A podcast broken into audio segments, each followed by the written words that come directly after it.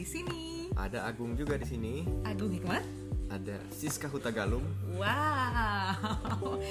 Setelah ribuan purnama kita berdiskusi, ribuan purnama juga kita kepikiran. Akhirnya hari ini kita rekaman podcast pertama. Yeay.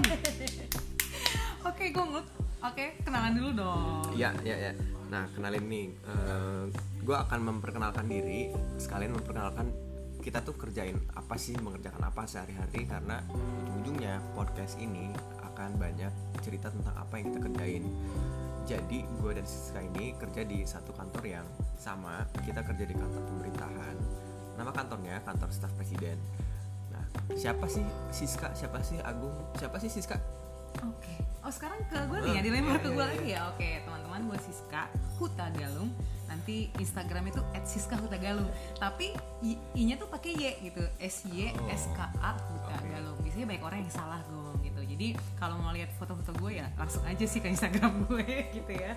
Jadi gue gue tuh dulu teman-teman dulu gue kerja di konsultan hukum ya Agung juga dulu di konsultan bisnis Yeah. terus uh, in a way akhirnya di beberapa cerita dan skenario kehidupan mengarahkan kita dan menempatkan kita di kantor yang sekarang itu kantor staf presiden. Kira-kira itu sih Ya. perkenalan sangat singkat ya. Mungkin nanti di episode berikutnya kita akan kupas lebih detail. Gitu. Nah, kenapa matters untuk uh, kita memperkenal- memperkenalkan diri di mana kita bekerja?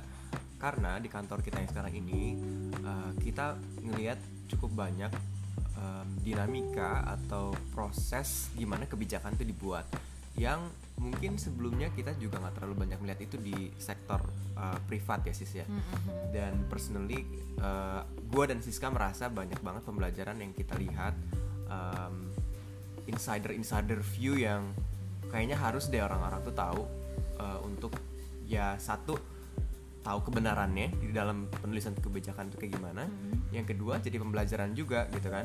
Oh ternyata mengambil kebijakan itu seperti ini lesson learnnya seperti apa? Itu sih yang pengen kita bahas. Oke, ya jadi sederhananya salah satu yang ingin kita share di podcast ini adalah bagaimana pembelajaran kita selama bekerja di kantor staf presiden dan mungkin nanti lebih luas ya, Bung. ya ya, ya, ya. Eh, boleh nggak Bung mungkin dikasih contoh gitu ke teman-teman yang dengar kira-kira eh, apa nih contoh konkret yang bisa didengar kira-kira di belakang kebijakan itu tuh yang unik atau mungkin yang Ya. fun atau mungkin yang perlu di share tuh apa kira-kira Ya. contohnya Nah ini contoh ya, Eh, kita akan ngulik banyak kebijakan-kebijakan yang eh, dibuat oleh pemerintah.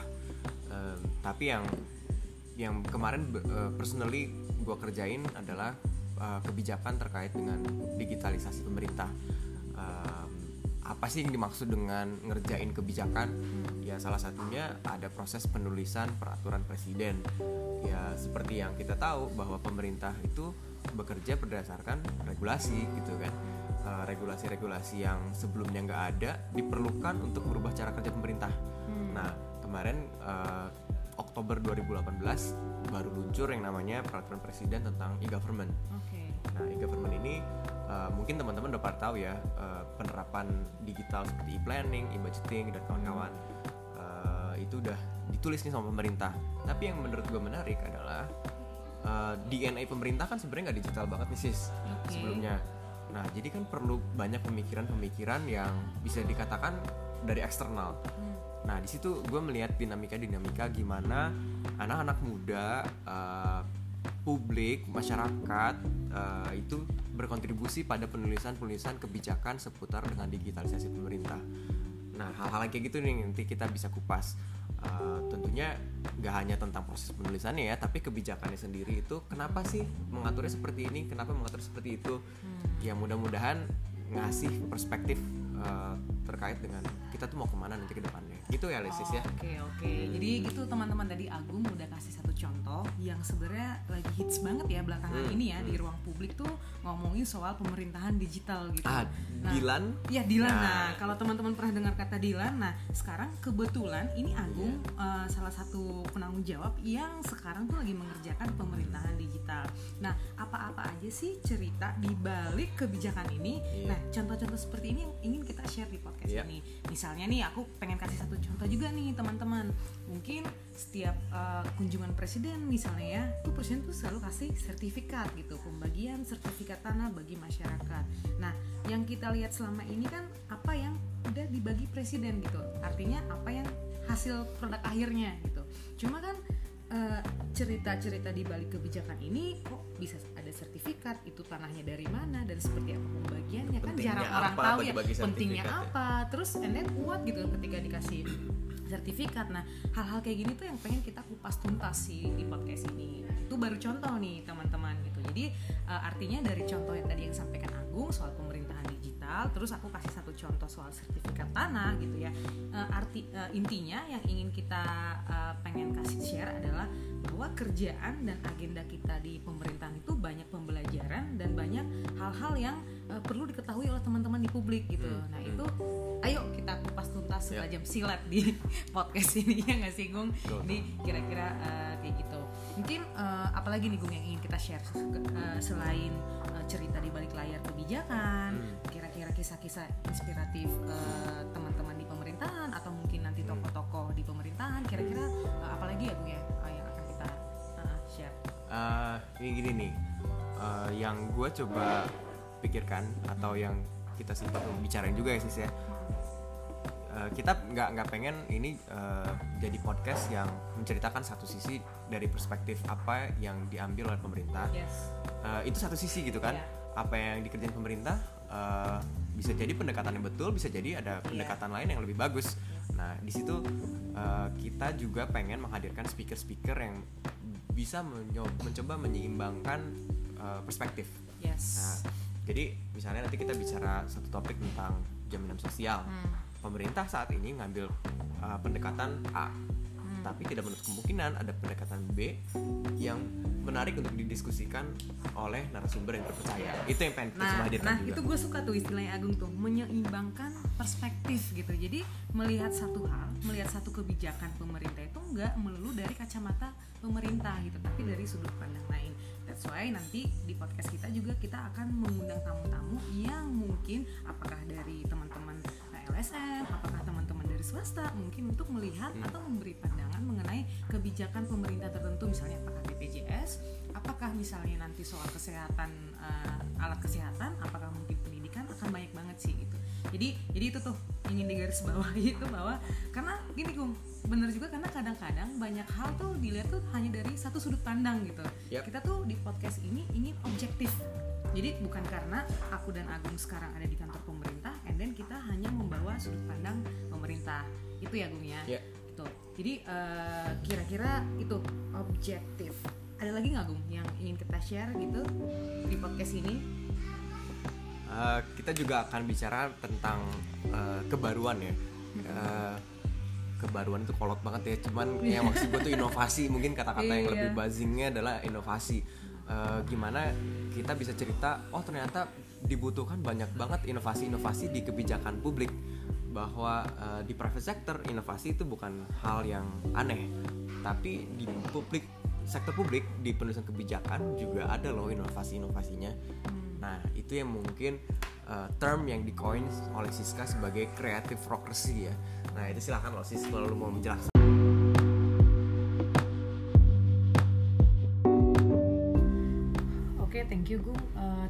Perlu ya kita berikan eh, gambaran atau informasi mengenai apa itu kreatifrokrasi dan kenapa kreatifrokrasi anyway gitu. Berhubung ini judul podcast kita. Nah, sebenarnya sederhana sih teman-teman ini hanyalah penggabungan dua kata, kata kreatif dan kata birokrasi, jadilah kreatifrokrasi. Uh, secara sederhana kita mendefinisikan kreatifrokrasi ini bahwa bekerja di birokrasi juga harus kreatif gitu. Nah uh, ceritanya ini came up dari pemikiran yang sangat spontan sebenarnya sangat sangat spontan. Jadi waktu itu kita pernah diundang menjadi salah satu pembicara di satu forum untuk peringatan Hari Pahlawan 2018 di Bandung. Jadi ada sekitar 350-an pelaku-pelaku industri kreatif di Bandung membuat satu forum mengundang beberapa pembicara. Itu salah satunya juga dulu ada Bapak Presiden Jokowi menjadi salah satu pembicara juga untuk berbagi pengalaman, berbagi cerita dan berdiskusi mengenai eh, peluang dan tantangan anak muda di berbagai sektor gitu. Jadi ada lintas sektor yang akan bercerita. Nah kebetulan kita mewakili sektor pemerintah. Jadi kita diminta untuk berbagi uh, gimana sih pengalamannya, gimana sih uh, pembelajarannya sebagai anak muda yang bekerja di kantor staf presiden. Gitu. Singkat cerita, dari berbagai hal yang kita ceritakan sebenarnya seperti tadi yang sudah disampaikan Agung sebenarnya bagaimana kita membuat kebijakan bagaimana cerita-cerita di uh, balik di baliknya bagaimana kita mengurai masalah itu ada satu hal uh, yang kita tekankan dalam forum adalah kalau teman-teman berpikir bahwa skill kreativitas itu hanya dibutuhkan di sektor industri kreatif itu salah gitu karena yang kita catat, yang kita simpulkan dan based on pengalaman kita di kantor yang sekarang, kreativitas itu dibutuhkan juga dalam birokrasi. Misalnya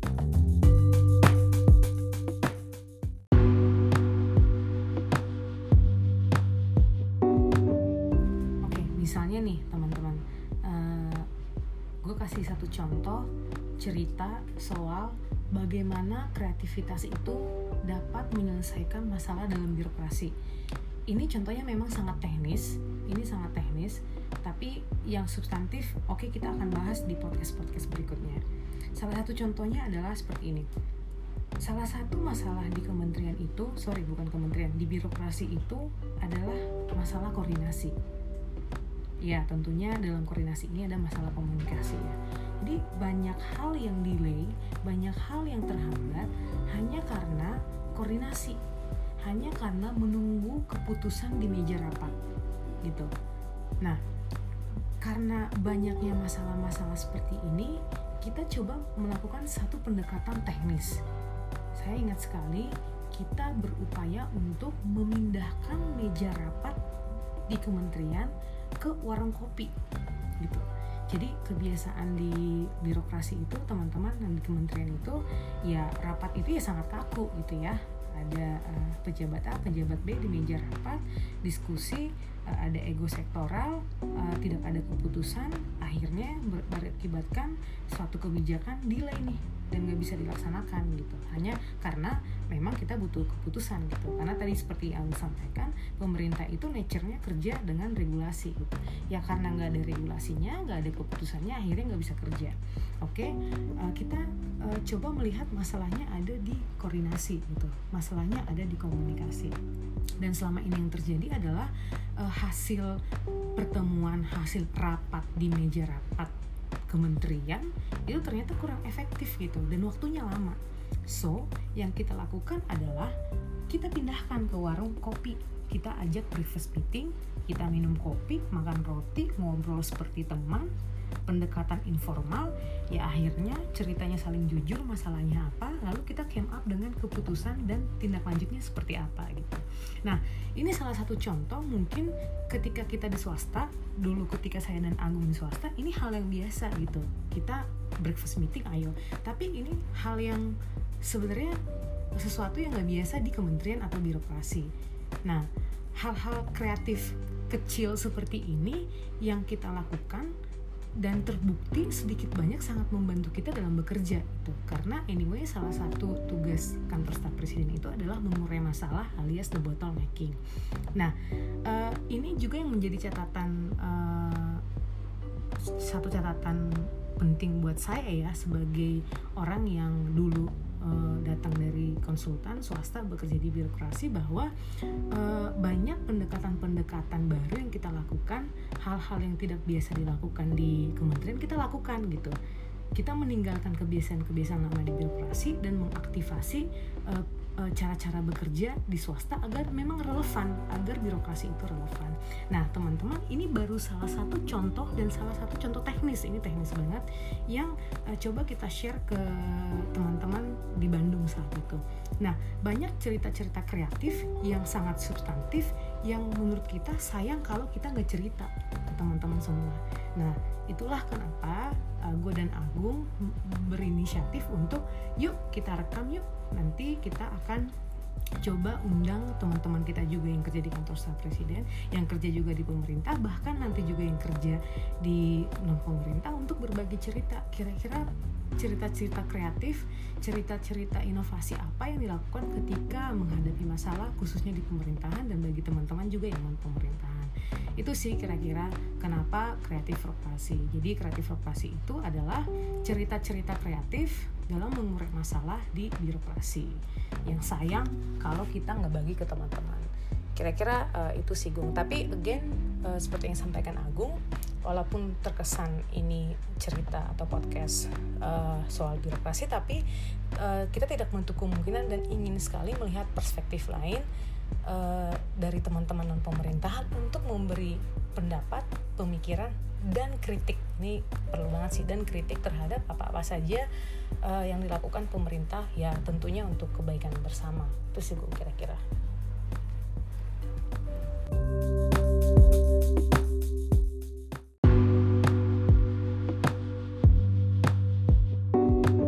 Oke, oke, oke. Kalaupun walaupun singkat ya, tapi kayaknya cukup ya uh, untuk uh, permulaan Yes, permulaan setuju. podcast pertama ini yang berikutnya pasti lebih panjang dan seru sih sebenarnya. Mhm. karena kenalan kita sudahi dulu. Intinya tadi kita sudah kenalan sudah saling kenalan ya. Eh tapi akun Instagrammu belum loh Gung. Akun Instagrammu langsung apa di captionnya aja karena Oh, langsung ada. jadi lupa. Oke, jangan lupa nih di follow kita berdua gitu. Terus eh, apa aja sajian nih? Ya sajian ya. Sajian dalam podcast ini adalah pertama kita dalam podcast ini akan bercerita tentang kegiatan-kegiatan, agenda-agenda dan yang paling penting adalah cerita di balik layar kebijakan-kebijakan publik Pemerintah, iya. pemerintah pada umumnya. gitu. Oke, terus yang kedua kita ingin mendengarkan sudut pandang lain nih. Mm-mm. Jadi kita nggak hanya dengar dari sudut pandang pemerintah. Terus yang ketiga kita ingin mendengar inovasi-inovasi apa saja sih yang sudah dilakukan di kebijakan pemerintah saat ini. Sementara itu sih, tapi kita akan membungkusnya dengan serius tapi santai, santai tapi serius. Jadi nggak usah terlalu berat-berat juga sih gue di sini kayaknya. Ya, ya, gue ya. juga nggak sanggup sih berat-berat gue gitu. Jadi itu sih. Mungkin ada penutup nggak dari lo gue? Gak paling eh, kita pengen punya forum yang alive. eh, jadi di caption ini nanti kita eh, kasih ke mana kalian bisa ngerespon juga. Dan kita pengen denger sih kalian tuh juga pengen dengerin eh, agenda-agenda tentang apa atau kebijakan-kebijakan tentang apa. Kita selalu open untuk feedback. Eh, tapi tentunya untuk eh, pembicaraan selanjutnya nanti kita udah mulai ngejadwalin juga ya sis ya. Oke. Eh, siapa yang akan bicara mengenai apa? Tunggu aja di eh, Episode posting-posting berikutnya. selanjutnya. Oke, thank you Gung. Thank you sis. Bye. Goodbye semua.